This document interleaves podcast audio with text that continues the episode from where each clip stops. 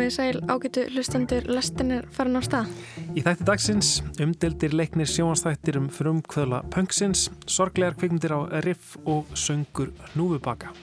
Núfubakarnir virðast við vera eins og við mennirnir með það að lög verða vinsæl en vinsældirna dvína svo með tímanum þegar lögin hafa verið flutt oft. Harlem, Sonny, Larry. Didn't you and he used to be the best of friends? We're still the best of friends. Mér finnst alltaf mikilværa uh, ekki eitthvað lútlitið heldur taktanir en náðu þessum töktum, hvernig fólk talar eða hreyfir sig. Mér finnst það náðu því, sérstaklega þess að leiku John Lydon, mér finnst það mjög samverðið. Ég heiti Lóa Björk Björnstóttir. Ég er Kristján Guðjónsson og þetta er lestin mánundaginn 3. oktober. Já, senast þegar við vorum uh, með þátt þá vorum við í beinni útsendingu frá RIF. Einmitt, það var, uh, gekk vel, þetta var svona á tæpasta vaði hjá okkur, það kannski heyriðist ekki í útsendingunni en, en það var mikið að gerast bak við tjöldin. En okkur tókst samt svona að vera í beinni útsendingu utan úr bæ, fyrst skipti. Já, það atna, klúðraðist ekkert, Nei, en, en atna, stemdi smá í það. Já. En já, ég, uh, ég fór í bíó, ég skellti mér á RIF um helgina, fórstu þú eitthvað? Ég, já, ég fór að sjá tvær bíómyndir, tvær heimildamindir, annars vegar uh, þíska heimildamind sem heitir Girl Gang, fjallar um hérna 14 ára samfélagsmiðla áhrifavald sem er bara svona algjör stjarnar ferðast í rauninu um hérna, Þískaland og fyrir á okkur opnarnir í vestlunum með stöðum og það er bara eins og bítlaæði, það er allt brjálað. Hún er 13 ára? Já, 14. Nei, 14, 14 ára, ok. En, en þetta er mjög, þetta er aðtilsverð mynda að mörgu leiti, sko, hérna, maður svona fær að sjá baka við tjöldin, fjölskil, eða semst fóldræðinar er orðinir svona umbóðsmenninar Mm. Um, og eru í rauninni bara að starfa við þetta að vera umbóðsmenn hennar og, hérna... og þetta er svolítið svona eins og Charlie D'Amelio svo var að gera þáttur um hana, D'Amelio sjó hún er svona líka Svipuð, já, hún er svona ótrúlega ung og ógslafræg og núna er fjölskyldan hennar orðið svona fyrirtæki kringum hana. Já, einmitt. Svona... Já, einmitt get verið, en það sem ég fannst aðeinsvert var að fóreldarinn voru svona eiginlega svona, svona austurþískir nakkar, segila. Nei, ok, ég vissi ekki að það verið til, að ég Hva, Já, hvernig eru austurþískir nakkar? Sko það er svona ákveðin svona hérna, lífsástaða sem hefur þróast sko, með fólki í austurþískalandi þannig, þannig að mamman er til dæmis mjög svona áhyggjufull um sko, lífsafkomu og svona fjárhalslega hlutana að þessu. Þannig að hún einhvern veginn, henni finnst hún vera að gera mjög góða hluti í rauninni fyrir stelpuna að, að tryggja henni eins mikið fjárhalslegt öryggi og mögulegt er. Emmett. Þannig að það er hérna, e, já, aðtillisverðmynd, hérna, þetta var önnur myndir sem ég sá. Byrju, má ég spyrja þessum maður, fyllist maður ekki heimsrygg þegar maður er að horfa á Jú. þíska fjör? Já, ok. Alveg bara, hérna, okay. þetta er mjög deprimerandi upplifun að, að horfa á þessa bíómynd og sá vingill er alveg svolítið svona sterkur eða... já og, mm -hmm. og hérna líka fylgst með annari stelpu sem er svona aðdáandi ennar og, og heldur út í svona aðdáenda Instagram reikningi og hérna ah. og, og er í 12 til 17 tíma á sólaring á, á netinu mjög einangruð veist, oh. þetta, er, á, þetta manni líður ekki mjög vel að horfa á þessa mynd mm -hmm.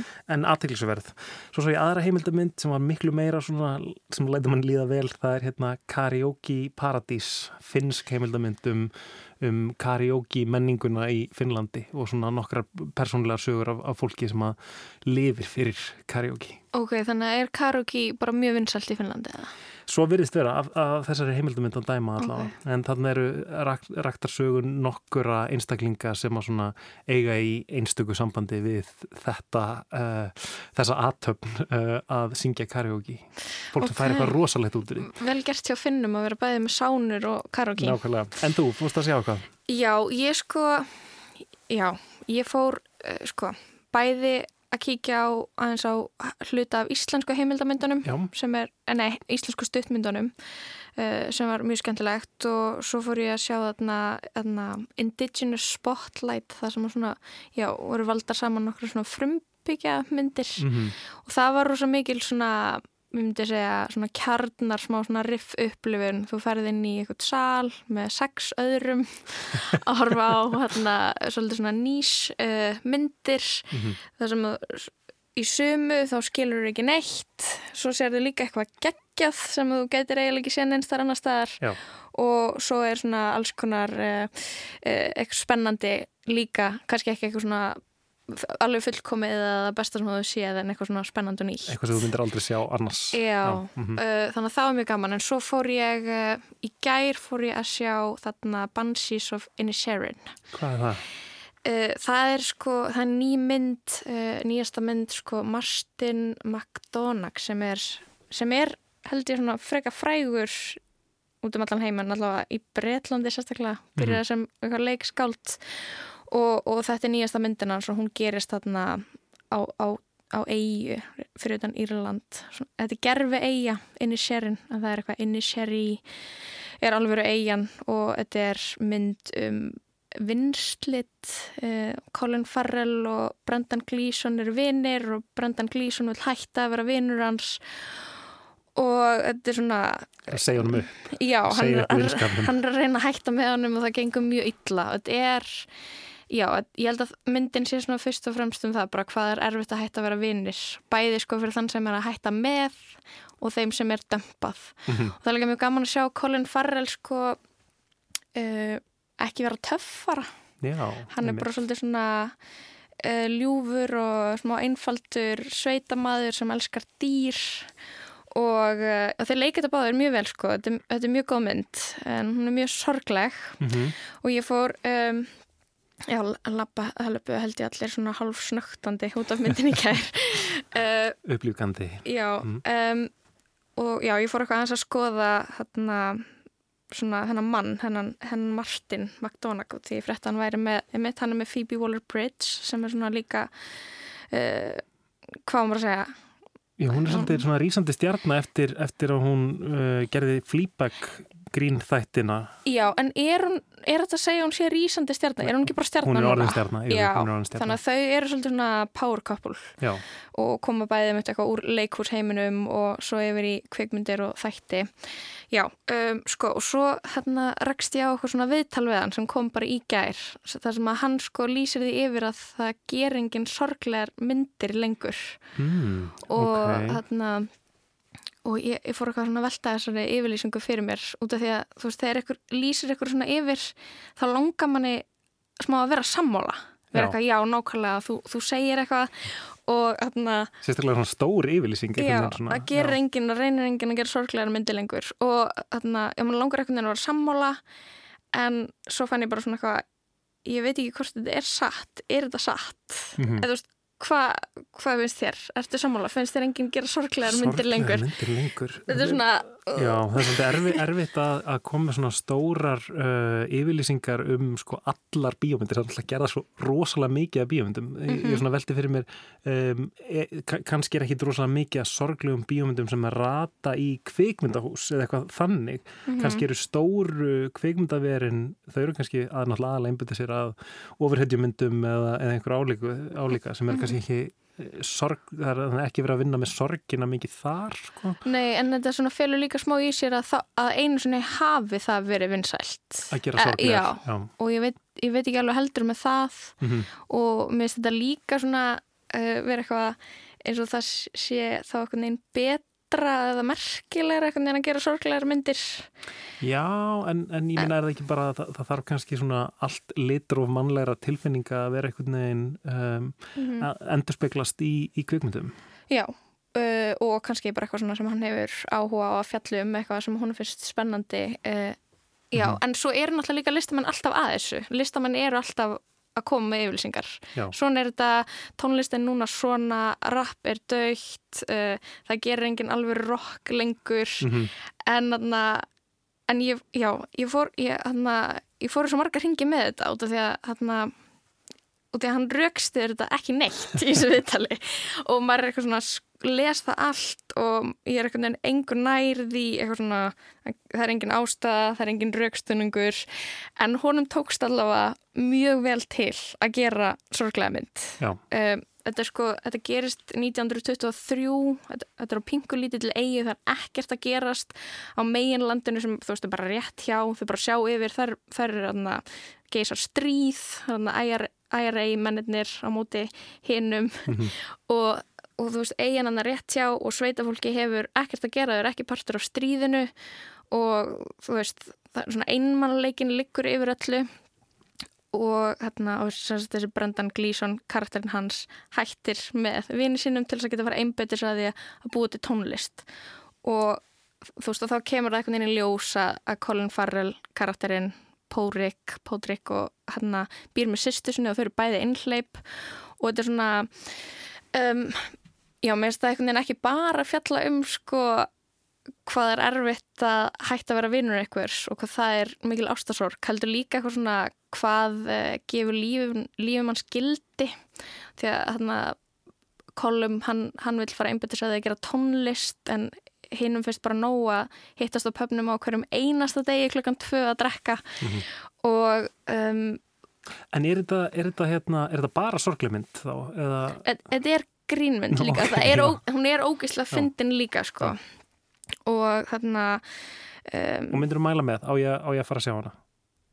Já, algjörlega, já. ég mæla alveg með henni sko en sko talandum að gera engin lengur sorglega myndir, þá er hinn myndin sem við sáum Corsage sem við sáum lögadaginn sem er mm. austrísk myndum Elisabetu Keisarinju sem var hérna á lífi á, á 19. öld eiginlega bara einn sorglegasta mynd sem ég séð. Já. og bara miklu sorglegri og þunglindisleiri heldur en Banshees of Inisherin. Uh, hún er bara, hún er svo sagt Keisarinja hún er Elisabeth, Elisabeth og aðal einhvern veginn í hennar lífi er að vera falleg, hún er svona geðvegt sítt hár og það er alltaf að mála myndir af henni og hún er alla æfið sinna bara í meðrun hún er mm -hmm. býr í höll og það er endalast að veislum en hún fær sér alltaf bara fjóru appilsinu sneðar og svo eh, eitthvað svona hvað heitir það á íslensku þarna, bone broth.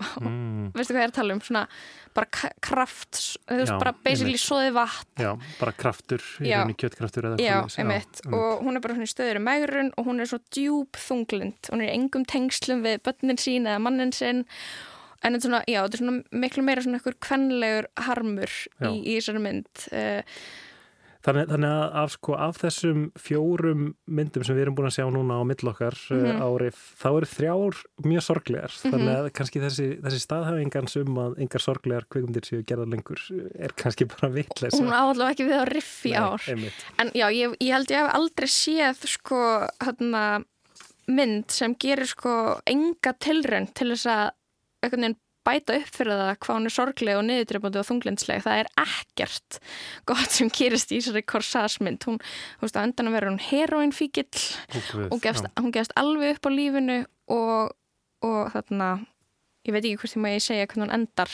Nei, má, ég ekki segja hvernig hún endar? en hún endar á mjög, mjög sorglegan hátt.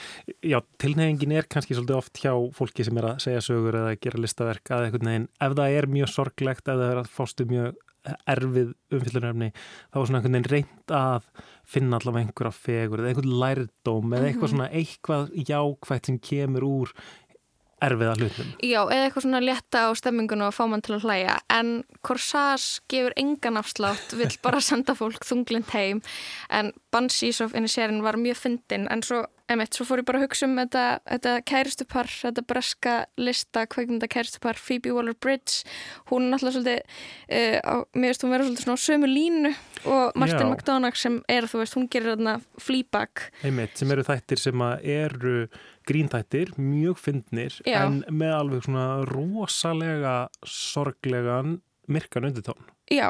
Alveg svona myrkari heldur en ég hef nokkur tíðan séð held ég í grínþáttum. Já, ég held, já, bara sama hér sko, þetta eru djúb sorglegir þættir, bara að díla við eitthvað móðurmissi og mm. það er eitthvað svona undirliggjandi, bara svona, já, það, það, er, það er mjög sorglegir þættir, þannig að þau eru allavega saman í þessu, þau tvö. Það, það er gott, -hmm. sömu fægufræðilegu línu. Mm -hmm. um, en allavega, Riff heldur áfram um, fram yfir næstu helgi þannig að fólk getur kíkt mögulega þessar myndir ég held að það er séu síndar allar ein, einu snýði bútt mm. En við ætlum að snú okkur að annars konar menningu. Fróði Guðmundur Jónsson dýra atferðlisfræðingur eh, mun næstu mánudaga flytja pisla hérna í lestinu um menningarheim dýra. Já, að, eh, velti fyrir sér hvort að dýr eigi sér menningu. Og allar að taka nokkur dæmi næstu mánudaga og í sínum fyrsta písli þá allar hann að velta fyrir sér kvalasöng.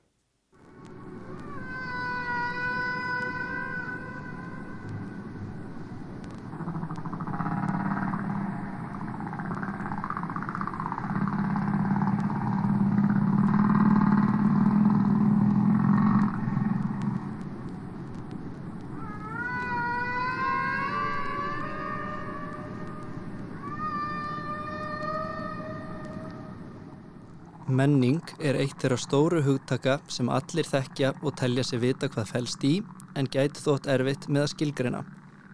Er menning bundin við heimsólfur, þjóðir, ættbolka eða þjóðfélagshópa?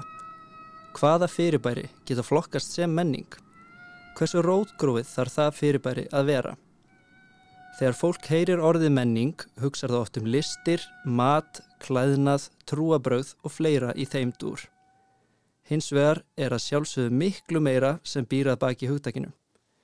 Menning getur í raun verið hvaða fyrirbæri, þekking eða atferðli sem verður til og á sér stað í hverskuna samfélagi og er jafnfram viðhaldið innan þess með félagsnámi. Til eru margar fleiri skilgreiningar á menningu og hana er hægt að nálgast frá mörgum mismundi hliðum. Sumir segja menningu vera það sem aðskilur menn frá dýrum en lífræðingar og aðrir vísinda og fræðimenn sem rannsaka atferðli dýra eru flestir sammála um að í einhverjum dýrasamfélögum megi finna einstök hegðunaminstur eða önnur fyrirbæri sem eiga sér rætur í félagsnámi og geti því verið skilgreind sem menning. Innan dýraatferðlisfræðinar er félagsnám skilgreind sem sálærdumur sem er auðveldaður með því að fylgjast með, umgangast eða eiga samskipti við annað dýr, oftast af sömu tegund, eða afurður þess. Þó flestir telli dýr geta átt sér menningu er ekki auðvelt að sína fram á það. Menning manna er margslungin og oft þannig að þú þekkir hana þegar þú sérðana.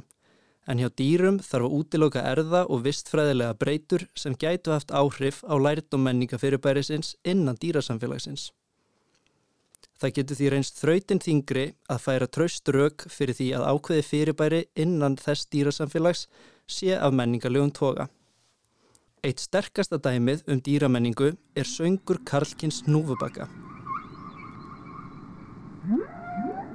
Það kann að hljóma undarlega að kvalarhljóð séu köllu söngur en þessi stóru skýðiskvalir eru svo sannarlega listamenn sem syngja margbrotin lög. Á hverjum tíma er eitt lag sem ræður ríkjum innan hvers samfélags en samfélagin breyta ört um söngva. Laugin eru um 10-20 mínútur og geta verið nokkuð fjölbreytileg. Kvalir samina hljóð og tóna í svo kallaða frasa sem mynda svo nokkri saman þemu. Hvert lag samastendur svo af nokkrum slíkum þemum. Hlustendur spyrja sig kannski að því af hverju þessi kvalasöngur sé talin vera menning, frekar en gælt hunda eða baul kúa. Jú, því söngur núfubakka er eins innan samfélaga en ólíkur á millið þeirra, án þess að erða eða vistferðilega breytur geti útskýrta. Því fjær sem farið er frá hverju samfélagi, því ólíkari verður söngurinn, svo nágranna samfélag eru oft með svipaða söngva. Það er því talið nokkuð örugt að söngin læri hnúfubakstarfanir hver af öðrum með félagsnámi. Einn merkasta rannsókn innan þessa sviðis var framkvæmda sjávarlífræðingnum Ellen Garland og samstagsfélögum hennar. Þau greindu söng Núfubakka í sunnaverðu Kirrahafi á milli Ástralju og frönsku Pólinesju sem er ægslunasvæði hlutasuðu kvöldstofsins yfir 11 ára tímabil. Á ægslunatímanum eru um 6 mismunandi erðafræðilega aðgreindir hópar á svæðinu en svæðið er stórt og hver hópur heldur sér saman. Garland og félagar síndu fram á lög sem fyrst heyrðust í vestasta hópnum við Ástralju ferðuðist yfir til austasta hópsins við frönsku Pólinesju. 11 mismunandi núfabakslög greindust á jafn mörgum árum. Flest þeirra bárust frá austri til vesturs og fjögur fóru alla leið yfir ækslunarsvæðið. En þau hefðu mögulega verið fleiri ef gagnasöfnuninni hefðu verið haldið lengur áfram þar sem sum voru komin vel á veg þegar gagnagreining hófst. Það er afar merkilegt að sjá að lag sem heyrist í ákveðnum hópi eitt árið heyrist ekki lengur í sama hópi árið á eftir en heyrist þá aftur á móti í öðrum hópi aðeins austar og svo koll af kolli ár frá ári. Þetta gefur til kynna að svo litli samgangur sem er á milli hópana nægi til þess að bera söngin hópa á milli í gegnum félagsnám. Laugin berast áfram þegar stakir einstaklingar færa sig á milli hópa innan ækslunatíma eða á milli ára eða þegar ferðast er til ægslunarsvæða frá fæðusvæðum og öfugt en nálaði eikst á milli hópa á fartíma. Önnur afar áhugaverð rannsókn var framkvæmt af nót og félögum. en þeir fyldust með hópi sem innihjalt um 100 núfubakstarfa í þrjú ár og tóku upp söng þeirra. Árið 1995 sungu allir tarfarnir sama lagið en 1996 voru tveir söngvarar farnir að syngja nýtt lag en þeir hafa sennilega lært það frá nákvæmum sínum eða sjálfur verið flakkarar. Í lok árs 1997 sungu allir nema fjórir tarfar nýja lagið og árið 1998 sungu þeir það allir með tölu. Hnúfubakarnir virðast því vera eins og við mennirnir með það að lög verða vinsæl en vinseldirna dvína svo með tímanum þegar lögin hafa verið flutt oft. Því virðist að yðurlega næja að örfáir byrja að syngja nýtt lag til þess að heill hópur eða samfélag hermi eftir og syngi eins. Söngurinn er talin gegna hlutverki í kynhefðun tarfana, sennilega til þess að laða þessi kýr en mögulega einnig til þess að rekja í burtu aðra tarfa. Það er því áhugavert að veltaði fyrir sér hvers vegna náttúruvalið hafi búið þannig um hnútana að á sama tíma og ákjósanlegt þykji að vera hermikráka og laga söng sinn að annara söng er einni æskilagt að vera nýjungagjarn og grípa ströyma tónlistastefnunar snemma. Það er á huldu hvað það er við kvalasöngin sem heitlar núfubakskýrnar en ljóst er að eitthvað er grípandi við melodíu þessara sjávarisa. Þekkt er að sumt fólk hlustar á hinn ímsu náttúruhljóð þegar það fer að sofa, svo sem regndrópa falla, ölduhljóð eða einmitt kvalasöng. Oft er það sem er notaður á þessum spilunarlistum, svo er það sem heitlar við hann.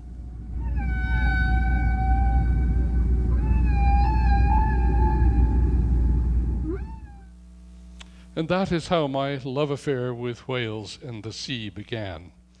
Two years later, Scott McVeigh and I discovered that the long, complicated progressions of sounds that are made by humpback whales are actually rhythmic, repeated sequences of sounds and therefore are properly called songs. Ræðumæður þessi var Dr. Roger Payne, stopnandi kvalavenduna samtakana Ocean Alliance, en hann gaf út plötu árið 1970 sem kallast Songs of the Humpback Whale sem gæti útlagst sem lög hnúfubaksins á íslensku. Brot úr þessari plötu hefur meðal annars verið notað í lægi Kate Bush, Moving, en Bush nýtur nú endur nýjara vinsælda eftir að eitt laga hennar fór á topp spilunarlista tónlistaveituna Spotify í bandaríkunum, en það er stuttu áður verið notað í hinnum vinsælu þáttum Stranger Things. Því miður var þetta vinsælara lag ekki kvala hljóðalagið Moving, en það er aldrei að vita nema efstur á einhverju spilunarlista í framtíðinni verði hnúfubakst harfur sem ganga má út frá að sé þáttangandi í samfélagi sem á sér einstaka tónlistarmenningu.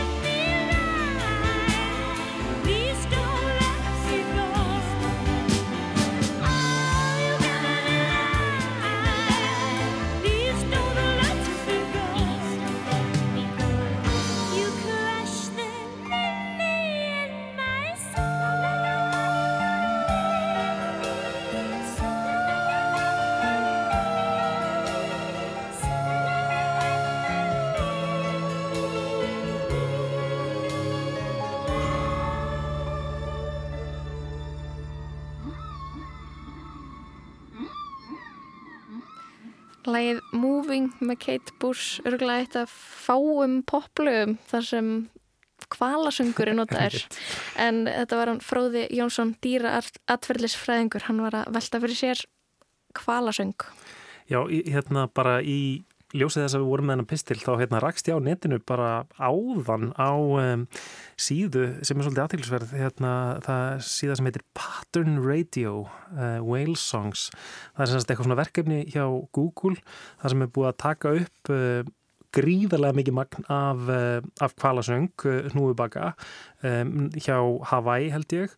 Og semst svo er notið gerfigreind til þess að svona hvað ég var að segja, svona sjón, gerir þetta sjónrænt aðgengilegt.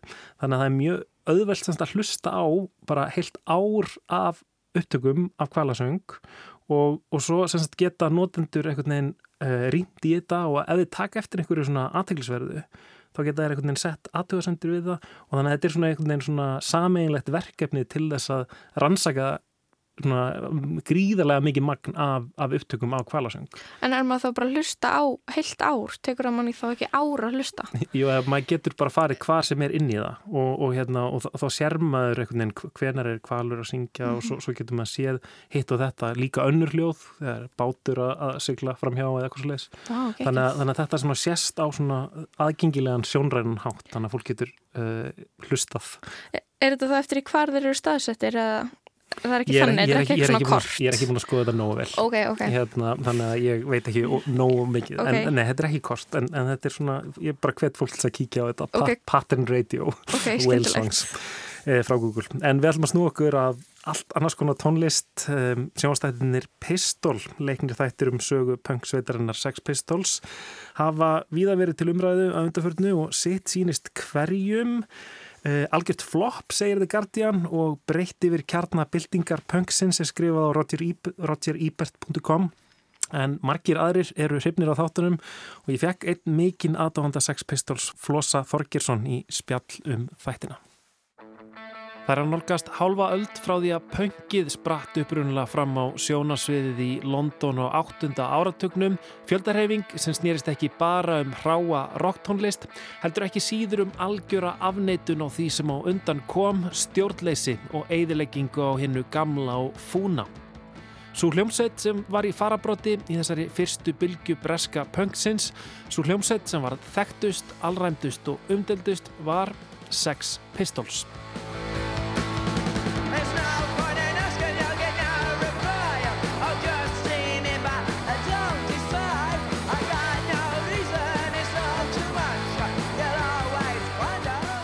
Hljómsættamæðlimir voru skítugir og í ripnum fötum, blótuð í sjónvarpinu, gerðu grínað konungsveldinu, er kunnu illa á hljóðfærin sín en á tónleikum flugu nefar og rákaslumur fram og aftur af sviðinu. Þetta var eitthvað algjörlega nýtt og neykslandi, frum kraftur og reyði ungra krakka verkamannastjætt virkjuð á hátt sem hafi aldrei áður sérst í popmenningunni. Já, áhrifin voru ómælt í Breitlandi, um allan heim og meira að segja hér á Íslandi. Það var alveg uh, æðislegt. Með, með punk var eitthvað sem ég fannst bara alveg stórgóðslegt. 11 ára strákurinn í Kóboi sem tengdi við þessa reyði Sex Pistols var Flósi Þorgirsson en í dag er hann tónlistamæður sakfræðingur og annar umsjónarmanna hlaðarpsins draugar fortíðar. Ég ólst náttúrulega upp í alveg voðalegu Íslandi sem var svona nána svona semi-kommunistaríki læt sko það var bara ríkis sjónvarp bara ríkis útvarp og ríkis útvarpið að þannig að það var bara, nú heyrðum við þyrðulu konsert eftir með Jehudi Menuhin og og hvert á sjónvarpinu þá var heimildamindum eitthvað ungverskan stærfræðing og æði þetta var alveg óbúslega leðilegt fyrir krakka sko. mm. maður beigð bara eftir lögum unga fólksins og vonaðist til þess að maður myndi heyra eitthvað svona sem hreyfiði við manni en það kom eiginlega ekki fyrir en ég var kynntu fyrir punki þá var ég svo lánsamur eða heim í Kópavói og eitt besti vinnu minn uh, bróður hans að vera í Freblónum og mikið til í gegnum þá þá hérna, fór ég að kynast þessar músík sem var, ég hef aldrei hirt svona músík sem var svona ósalega reið eins og, eins og John Lydon var, var, varla að syngja. Hann var einhvern veginn að, að tala og, og maður skinnjaði bara það er eitthvað annað í gangi þarna en hjá Smokey og Abba. Það er Þessi manni líður eitthvað allt öðru í sig, hann er ekki brosandi þegar hann er að syngja þetta. Hann er brjálaður út af einhverju. Ég, ég tengdi við það einhverju hluta vegna.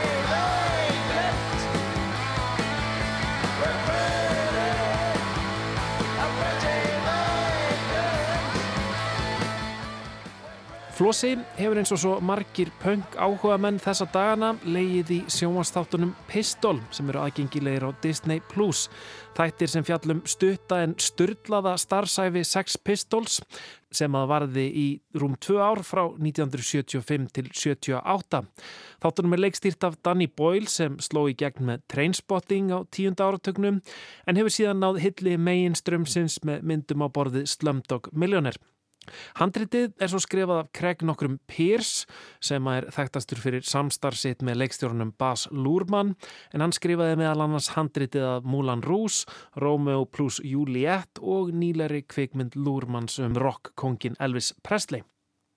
Þegar þættirnir voru uppálega kynntir og fyrstu stillur byrtist úr þáttunum, einkendust viðbröðun af tortrygni, svo vægt sér til orðatekið, menn óttuðust að hér væri komin fram döið hreinsuð Disney útgáfa af sögu Sex Pistols, þar sem piltarnir væru prúðir, vel til hafðir og Guð hjálpi okkur sögufölsönuna vel tendir. Guð mig, almatur. Ég, já, fyrsta myndin sem sá að það var aðaleikurunum og þeir voru allir brosandi einhvern veginn og bara, þeir litut allt út eins og Basic í Rollers sem var svona, ég veit hvort þú kveikir á því nafni, það var skostband sem var svona algjörst svona popband, svona mm. boyband 70's sko svona bara al, and, andstæðan við Sex Pistols sko og ég hrildi mig líka og svo er þetta Disney mann fannst allt vera rangt við þetta Já.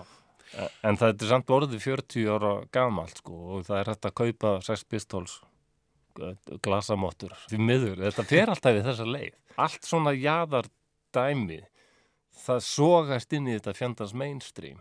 Að þetta mainstream er svo tómt og getur ekki búið til neitt sjálft að það þarf alltaf leit jaðarinn til að finna eitthvað áhugavert Söngvari sveitarinnar John Lydon eða Johnny Rotten eins og hann er betur þekktur fór strax mikinn í fordæmingu sinni á þáttunum sem eru gerðir með meiri hluta samþyggi eftirlifandi hljómsveita meðlima.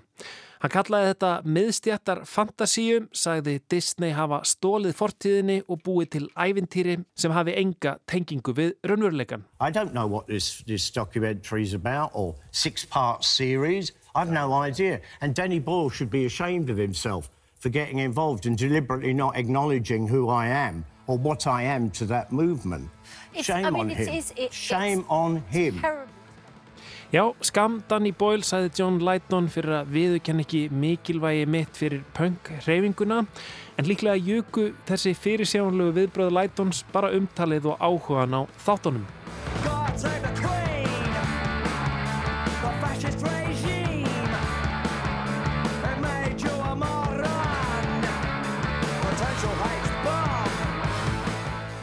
Þættirnir Pistol eru byggðir á sjálfsæfisögu gítarleikarans Steve Jones, Lonely Boy, en hann var stopn meðlimur og einn helsti lagasmiður sveitarinnar, strákur úr neðri lögum samfélagsins sem að ólst upp við ástleysi og ofbeldi en fann sig í glæpum, áflugum, töffaraskap og rocktónlist. Hann er því aðal söguhetja þáttana og hans sjónarhóttnar áðandi, tengsl hans og átök við aðrar personur. Þetta er ekki bara hinn eilífu átök við söngvaran Johnny Rotten, þetta er líka föður sonar sambandi við umbóðsmannin Malcolm McLaren og það sem kemur kannski helst á óvart, ástarsamband við tónlistakonuna Chrissy Hind úr hljóstinni The Pretenders. En það er romantíski drivkraftur sögunar og kemur eflust mörgum á óvart hversu stórt plás sáþráður tekur í þáttunum. Það er kannski komið smá óvart, ég vissi líka ekki, sko, hún skrifar með þess að formála að bókina, sko. Það var eh, mikið á milli þeirra, mm þau eru um tíma voru elskendur eins og kemur fram hana og svo aðalega bara miklu vinir. Hún lýsir honum í formálanum, hann var bara strákur, svona daldi svona stóraðu bláuðu strákur sem vildi láta taka eftir sér. Það var Steve Jones. Hann vildi bara einhver tæki eftir honum. Að því að hans, sem kemur ekki óvart, að því að hans uppvöstur er líklega sá versti af þeim öllum, sko. Þeir koma frá frekar góðum heimilum, John Lydon, Paul Cook, Glenn Matlock held ég, Sidvísu kemur náttúrulega alveg hræðileg sko, enda var hann mjög skemmtur maður og ekkert skrítið enda kemur úr hræðilegum uh, fjölskyldu aðstæðum. En Steve Jones líka og sérstaklega hann var svo vannræktur hann fær alltaf, til, sko, fær alltaf þessi skilaboð frá sjúpföðu sínu sem reyndar misnotaðan kynfæðislega og móður hans að hann sé, hann sé fyrir. Að, að, að hann fær alltaf sterklega á tilfinninguna sem batna flestir myndu vilja að hann væri bara ekki til. Það er náttúrulega versta tilfinning sem bat getur upplifað sko. þannig að hann er mjög ónýtur svona þegar hann gengur í bandið. Mér finnst þetta koma alveg í ljós og reyndar ekki eins mikið í bókinni sko. þar er hann, eigðir hann alveg eins og þessi kynferðslega mis, mis, misnótkun af hendi stjúpans er, er mjög ógísleg og bara alltaf þetta uppheldir sko.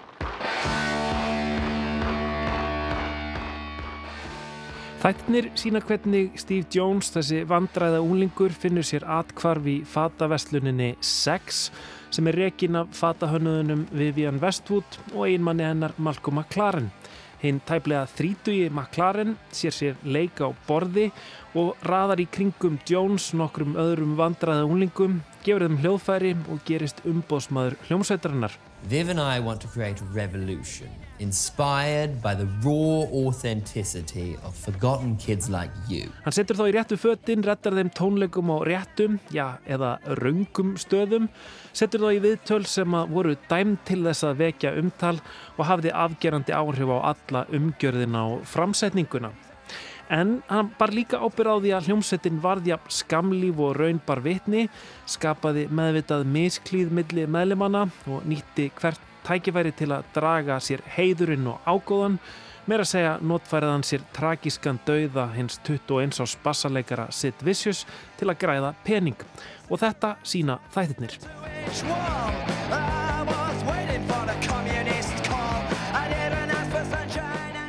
Hvern, hvernig fannst þér? Ég, mér fannst þér bara góðir. Ég sem betur þeir, ég var bara gladur mér finnst leikarnir standa sig vel og svo er þetta bara aldrei verið að segja söguna eins og hann var. Og John Lydon var náttúrulega brjálaður út af þessu og hann er náttúrulega brjálaður út af öllu, alltaf. Að það kom engum á óvart og hérna, en hann sleppur bara nokkuð vel frá þessu. Og eins og Steve Jones sagði í hérna Jones's Jukebox podcastinu sínu það sagði hann að hann vildi náttúrulega bara fyrir mér er John Lydon algjör sindlingur, svona snillingur orðsins og, og svona einmitt svona þessi intellektual og ég vildi að það kemi fram í, þessum, í þessari bók og það kemur alveg fram í þáttunum. Og hann svona er daldið á undan hinum að átta sig á því að Malcolm McLaren umbásmaður er náttúrulega bara nánast eitthvað svona gjörningur Sex Pistols. Það finnst mér líka samt eitthvað sem gerir þessa hljómsveit svo stórkurslega hún er nokkurn veginn tilbúningur þessa brjálaða manns sem hérna þóttist setna meir hafa verið svona að leika sér með eitthvað sem kallaðist anti-management. Var meiningin að, að stjórna þessu bandi svo illa að eftir því yrði tekið og það myndi hafa meiri langvarandi áhrif vissuleiti hefur það tekið en svo til dæmis að það fer með bandið til bandaríkjana og allir bandaríkjumenn voru svo hissa sko okkur að þeir geta spila í New York eða Chicago eða eitthvað staðar Boston þar sem þeir hlustað á það nei nei, fara til Alabama og Louisiana þar sem bara, þeir voru í lífsættu sko You have been banned from playing right across the country, which is wonderful. Wonderful how? Society fears you. You matter. And to add to the glory of the day, EMI have dropped you. What? Shit! Which means We're fucked. it means we are available. We are available and we are infamous. And we are an instantly recognizable brand, which is why Jamie is here. Jamie is an anarchist, a druid, and a genius, in that order. He is also now our new head of marketing. En, hérna, en, en sýnist þér þessi þættir sko, hérna, vera svona nokkuð svona sagfræðilega nærri lægi eða, eða, eða hvernig hefur umræðan verið um það? Veistu? Ég kom ekki auðvitað neitt sem var eitthvað slómi sérstaklega sko. það virtist alveg passa eitthvað neginn Já. og hann, það sem ég kann svo vel við líka Steve Jones að hann er ekkit að draga úr neinu sko, hvað hann var náttúrulega, hann var þjófur hreinlega og lét Malcolm McLaren ég er sérstaklega lánaði með það að það er sena í þáttunum það sem hann og John Lydon er orðin sammáluð um það við þurfum að losna við Malcolm McLaren. Við þurfum ekki á honum að halda. Við getum bara kyrt þess að hljómsveit áfram. Fjórir, þurfum ekki þennan brjálæðing hérna. En svo nær Malcolm McLaren að snúa Steve Jones sko gegn þannig, að- og það, það finnst daldið svona já, ég, ég minnst hann eiga ákveðna aðdáðan skilda fyrir að vera ekki að fæðra sinn hlut. Þannig ég kom ekki auðvitað neitt sem var svona sló mig sérstaklega Hvernig finnst þér hérna þessi leikarar um, sko, það er svona eiginlega stundum farin svo leið að finna einhvern sem er mjög líkur útlitslega svo Já. eru aðrir sem eru eh, kannski ekki jafn líkir útlitslega hvernig, hvernig finnst þér hérna leikararnir vera um, Ég var alveg sátt við það. Já. Mér finnst, þér, mér finnst alltaf mikilværa uh, ekki endur lútlítið heldur taktanir. En náðu þessum taktum, hvernig fólk talar eða hreyfir sig. Mér finnst þér náðu því, sérstaklega þess að leikur John Lydon, mér finnst það mjög samverðið. Já, sem er kannski ólíkastur fyrirmyndinni svona útlitslega bara andlitsfall Já, og svoleiði sko. akkurat. En, hann var einhvern veginn- með þessa, mér finnst hann alveg verið með þessa takta, sko. Og þetta fræga gröndi viðtal, þar sem þið fara þarna að vera að tala við einhvern, eh, þennan Bill Grundy sem er eiginlega svona orsalur full, fulltrúi gamla Bretlands, gamla svona imperialista Bretlands sem er svona stjættaskipta Bretlands og þetta, var, þetta er náttúrulega alveg bara eitt frábarsta viðtal sögunar, sko. Þetta, þetta er, Einmitt, og- það er næstíð í alveg bara sko, það er bara það var, ef maður horfir á upprænlega viðtalið og svo þetta leikna þetta er eiginlega bara alveg nákvæmlega eins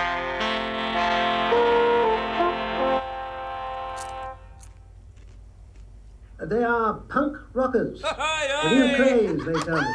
They're heroes, not the nice, clean Rolling Stones. You see, they are as drunk as I am. They are clean by comparison. They are. They said they're drunk. Sex Pistols, and I am surrounded now by all of them. In action! Just let us see the Sex Pistols in, action. hello We were there. Why are we watching this? Yeah, good they are. People are going to be disappointed we aren't Queen. Who are they? Ballet dancing like Mr. Mercury. Is that what I was wearing? Oh, look. Beauty and the Beast. NBT going live in five, four, Já, alveg nákvæmlega eins, en það er ekki bara leikurinn eða taktarnir, heldur allt útlitt þáttana. Sjónræni þátturinn í pistól er kaotískur, jável svolítið skitsofrenískur, flakkar milli einhvers konar raunsæis og svo stíliseringar sem gerir umhverfið nánast eins og sviðismyndi Broadway söngleik og fólk hefur meismöndi skoðanir á því. Já, notast er við gamlar fréttaklippur og svo myndtækni sem líkir mjög nákvæmlega eftir áferð og útliti raunverulegra, íkonískra ljósmynda og myndbanda af Sex Pistols. Er ekki möguleiki að þessi tæknið sé bara líka verða miklu betri upp á að lita, að ég Jú, tala eins og fjánu kannski, lita já. filmur eitthvað þannig að þetta virðist vera en Rú- það er alveg sagt, það er eitthvað svona já, maður finnst vera eitthvað svona 70s sleikið að þessu Já. ég fíla það bara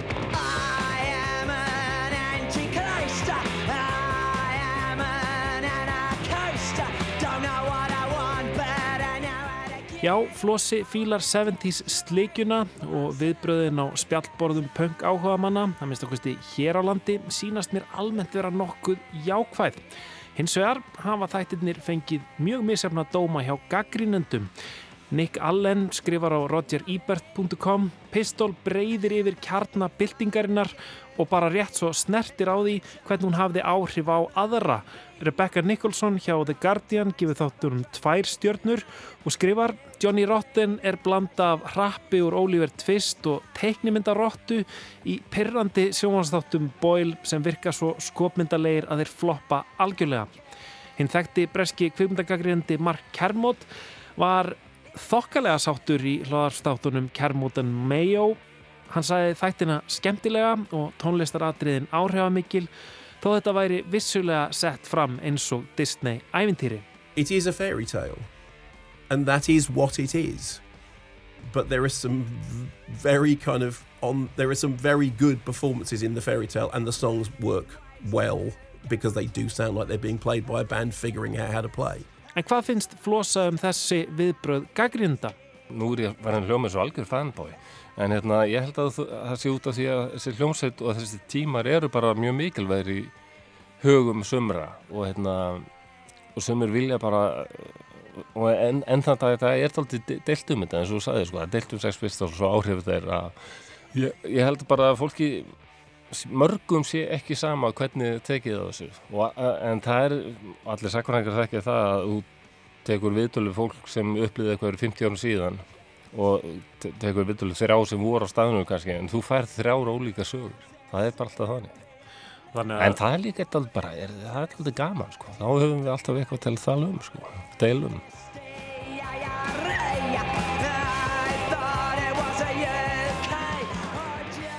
Sko, en, en það er eitt sem að ég svona veldi fyrir mér hvort það hefði átt að fá einhvern veginn meira vægi, ég veit það ekki það er einhvern veginn sko samfélagið þarna uh, fyrir okkur sem að, sem að lifðum ekki þessa tíma um, til þess að átta sig á einhvern veginn af hverju þessi hljómsveit, af hverju það hvað hún sagði, hvernig hún leit út, hvernig hún hljómaði, af hverju það snerti svona djúpa Já. taug í fólki að það er kannski erfitt fyrir aðra en breyta að átta sig á því Já. sérstaklega íslendingar sem er ekki vön svona stjættaskiptingu en uh, já, það verður ekki það hefði alveg rosalega áhrif Já. Ég, ég er á því að það var ekkert band sem var jafn sjokkerandi.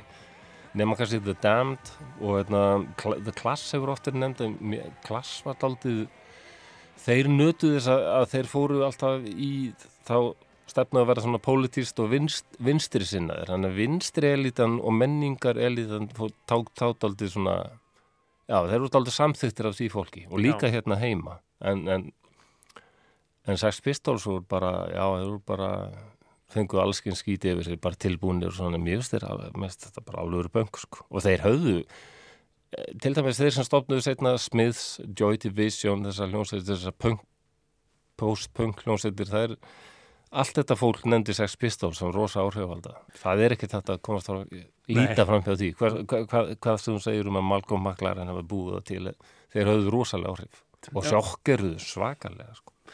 God save the queen, she is not a human being. Þetta er bara breytar náttúrulega bara fengu hland fyrir hjarta að heyra þetta. Þegar að einhver skildi voga sér einhver verkamanna strákar verkalýðs, já. Þess vegna er pönkið svo stórkurslegt þetta er alveg bara svona postmodernísk bylting í kjölfarið á þessar 68 byltingu. Mhm, já. það sem svona hefbundin hlutverk bæði kynja og líka stjætta er að breytast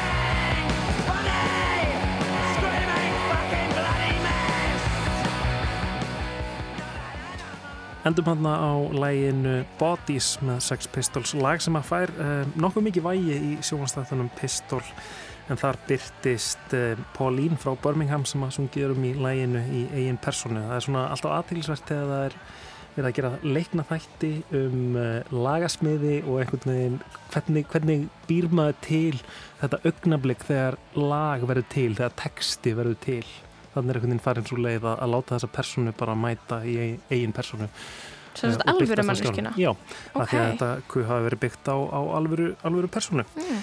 En já, það var Flósi Þorgirsson sem að spjallaði við mig um sjónastættina Pistol sem eru aðgengilegir á Disney+. Plus. Er þetta þættir sem eru uh, skemmtilegir fyrir þá sem að vita ekkert um Sex Pistols? Já, ég held að þetta sé nú að mestuleiti svona útskýrt allt saman þarna. Ég, fyrir mig þá fannst mér vera margir gallar við þess að þætti en mér fannst þetta samt skemmtilegir og, og alveg þessi virði að sjá. Er þetta svona fyrst og fremst svona smá stemmingsþættir eða? Það er stemning, já. Ok. Það er stemning og hérna alls konar stemning. Ok. En um, eigum við ekki að ljúka þættinum í dag á um, lægi? Jú. Það er fréttir bárust á fymtudag að um, tónlistamæðurinn Svafa Pétur Eisteinsson, prins Pólo, e, væri fallin frá 45 ára aldri, hann er já, góðvinur þáttarins, var í, var í löngu viðtali hjá okkur bara fyrir einhverju mánuði síðan um, og gaf, gaf mikið af sér í því, því viðtali um, held bara- alveg magnaður, magnaður tónlistamæður Já, ég held bara að öll þjóðin sé búin að vera að syrkja yfir helgina sko. algjörlega Við skulum enda á lægi með Prins Pólo, uh, lægi sem heitir Skærlitað gúmelaði, alveg einhvern veginn í hans anda. Mhm. En við Kristján og Lóa verum hér aftur á sama tíma á morgun. Tæknumæður lestarinnar var Lítja Gretastóttir. Takk fyrir samveldin í dag.